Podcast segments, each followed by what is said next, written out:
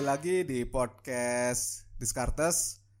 Kita masih ada di season kedua, sekarang kita masuk ke episode keempat. Apa tema yang akan gue angkat?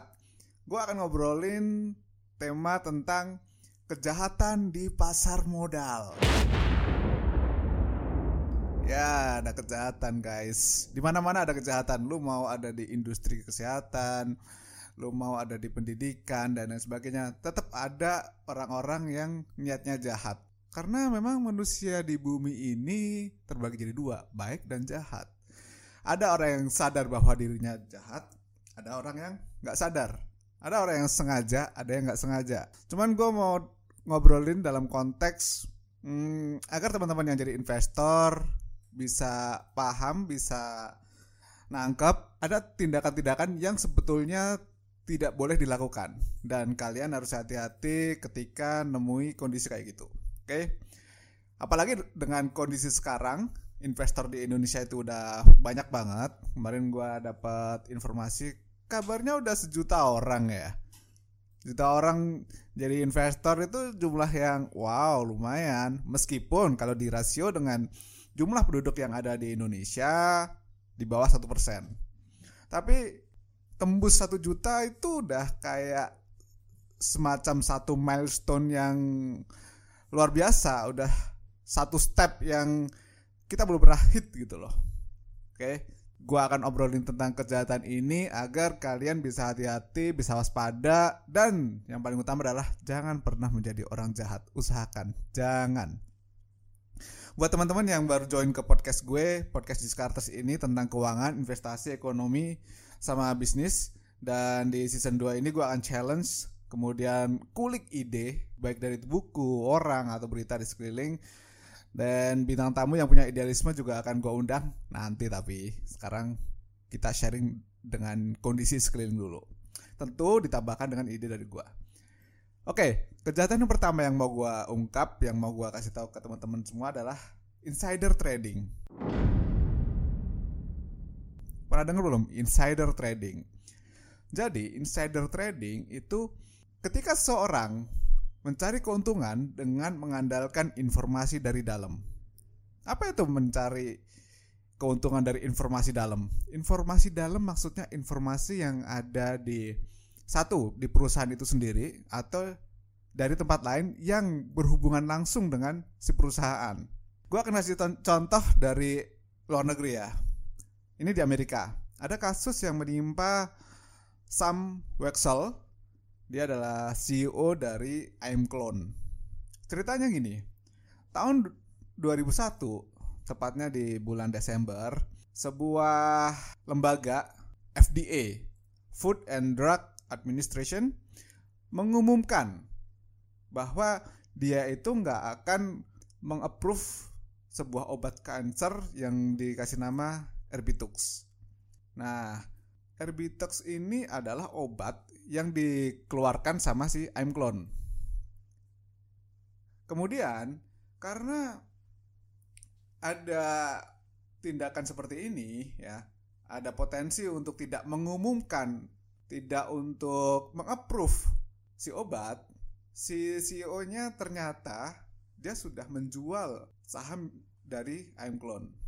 Belum sampai pengumuman itu terjadi. Sudah ada jualan duluan. Ternyata lagi beberapa eksekutif, beberapa manajemen yang ada di si Clone sudah melakukan penjualan juga. Ketika ditelusurin sama SEC, mereka menjual atas rekomendasi, atas perintah dari Samuel Waxel. Ini yang dijual tuh nggak kecil, yang dijual tuh saham dalam jumlah yang banyak. Makanya keuntungan yang diterima sama orang-orang ini juga dalam konteks yang gede. Ini nggak nggak hanya ngomongin seribu dolar, dua ribu dolar, tapi jutaan. Ternyata nggak hanya dalam intern perusahaan itu. Beberapa hari sebelum pengumuman, salah seorang businesswoman namanya Martha Stewart dia ngejual kalau nggak salah sekitar 4000 saham perusahaan dan pada saat itu harga dari saham Aimclone masih tinggi. Ketika penjualan terjadi, si Martha Stewart mendapatkan keuntungan sekitar 250 ribu US dollar. ketika ada pengumuman saham dari I'm Clone itu udah turun dari posisi 50 dolar sampai ke 10 dolar. Kalau teman-teman dengar cerita ini, ada perjalanan rekomendasi dari si CEO sampai ke orang-orang eksekutif di bawahnya sampai ke si Martha Stewart itulah yang dimaksud dengan insider trading. Jadi, ketika kamu menjabat sebuah posisi tinggi dalam perusahaan, terus kamu tahu bahwa ada produk perusahaan yang akan gagal dan kegagalan itu mempengaruhi drastis harga saham, maka kamu nggak boleh nih, nggak boleh melakukan tindakan ngasih tahu mau itu keluarga, mau itu teman-teman kamu, atau sekeliling kamu itu nggak boleh. Kenapa? Karena itu akan dianggap sebagai insider trading. Jadi hati-hati banget.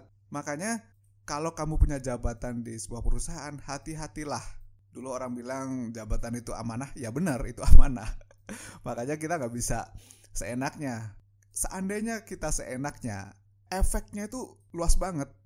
Nggak hanya di kamu, tapi di sekeliling kamu gitu loh. Tahu nggak efek omongan si Waxel ini. Si Waxel kemudian ditangkap dan dijatuhi hukuman 7 tahun penjara.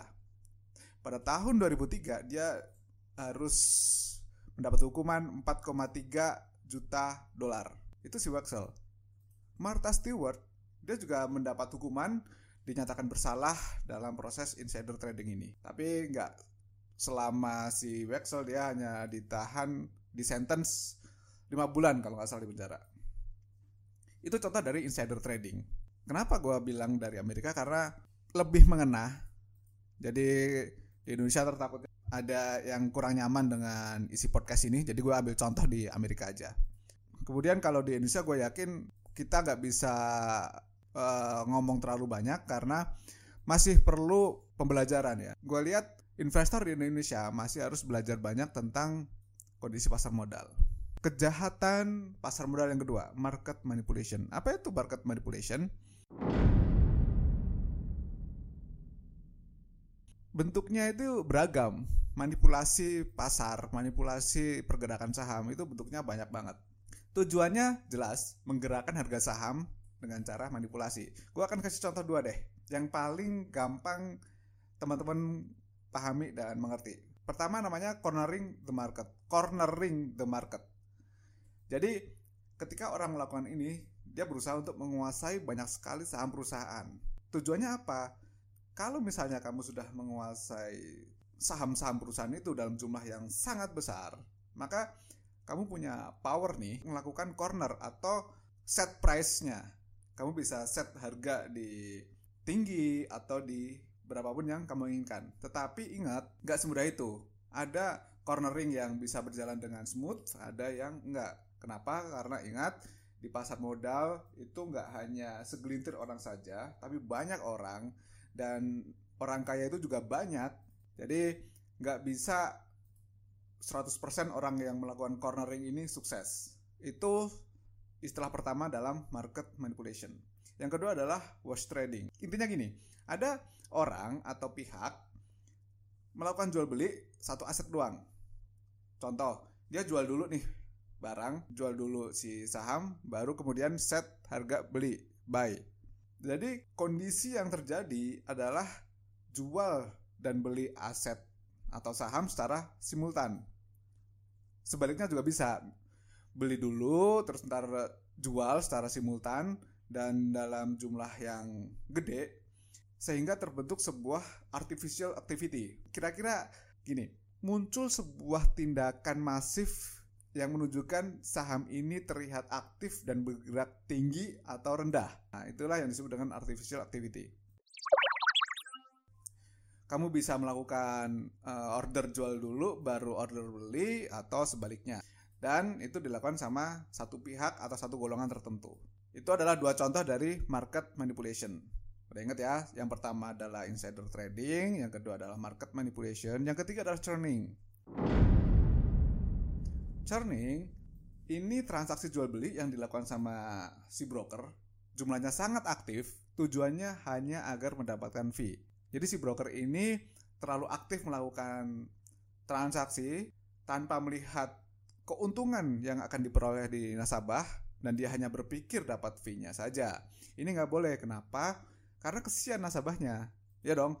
Seharusnya saham itu didiemin aja, kemungkinan dapat potensial gain uh, tinggi, malah ditransaksikan terus-menerus. Banyak loss yang terjadi, fee-nya berkurang gitu. Terus seharusnya dia dapat untung malah nggak jadi dan macam-macam. Makanya yang namanya broker itu harus mengutamakan keuntungan yang diperoleh oleh si investor. Jangan terlalu melihat dari sisi dia harus mendapatkan fee banyak ya memang broker itu mendapat uang dari fee tetapi tindakan yang terlalu masif dan hanya berpikir tentang fee yang diperoleh tanpa melihat keuntungan yang diperoleh oleh si investor itu adalah tindakan yang tidak benar gitu ya. Kemudian ada yang namanya fraud. Nah, kalau si fraud ini bukan kejahatan di pasar modal, tapi kejahatan di perusahaan itu sendiri. Kenapa gua angkat di sini? Ya biar teman-teman tahu juga. Ada usaha yang menutupi sebuah perusahaan, menutupi permasalahan yang terjadi. Makanya kita harus hati-hati. Kecurangan dalam laporan keuangan, bisa dalam bentuk contoh ya, salah sajian atau mengabaikan jumlah atau mengungkapkan yang secara sengaja digunakan untuk menipu nih para pengguna laporannya nih. Artinya selalu ada udang di balik batu, entah itu pengungkapan yang sebenarnya tidak atau penutupan. Nah, hati-hati. Contohnya misalnya overstating asset atau understating liabilities. Ini teman-teman semua ketika melakukan analisis kalian harus hati-hati. Jadi, kenapa gue bilang yang namanya analisis itu harus memperlihatkan GCG-nya, Good Corporate Governance-nya, karena ketika kita bicara investasi jangka panjang, kita itu menaruh uang ke seseorang, ke sebuah usaha dari seseorang itu, kita harus melihat apakah orang itu memang amanah, punya track record yang baik. Biasanya sebelum gue melakukan analisis angka kuantitatif, gue juga harus melihat analisis kualitatifnya. Kan kelihatan tuh siapa board of director, siapa board of commissioner, itu dilihat biar kita tahu orang-orangnya punya masalah atau memang track record baik di bidang itu. Memahami kualitatif manajemen itu penting, jadi caranya kalian tinggal googling saja. Misalnya si A, gimana recordnya? Googling. Siapa Descartes? Tulis saja di Google, Descartes adalah bla bla bla. Recordnya bagus atau enggak, bla bla bla Misalnya kalau gue jadi BOC atau BOD. Setelah gue ngobrolin ini, kejahatan yang terjadi di pasar modal, gimana biar nggak kena? Bagaimana caranya biar teman-teman terhindar dari kecurangan-kecurangan yang terjadi di pasar modal? Ingat selalu dari dulu sampai sekarang, gue selalu bilang, sebelum investasi maka perkuat dulu knowledge-nya. Perkuat dulu pengetahuannya.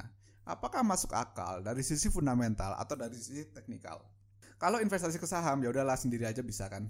Tinggal beli, jual sendiri. Apalagi buat teman-teman yang baru mulai. Nggak, usah uh, nyuruh orang apalagi ngasih password ke orang.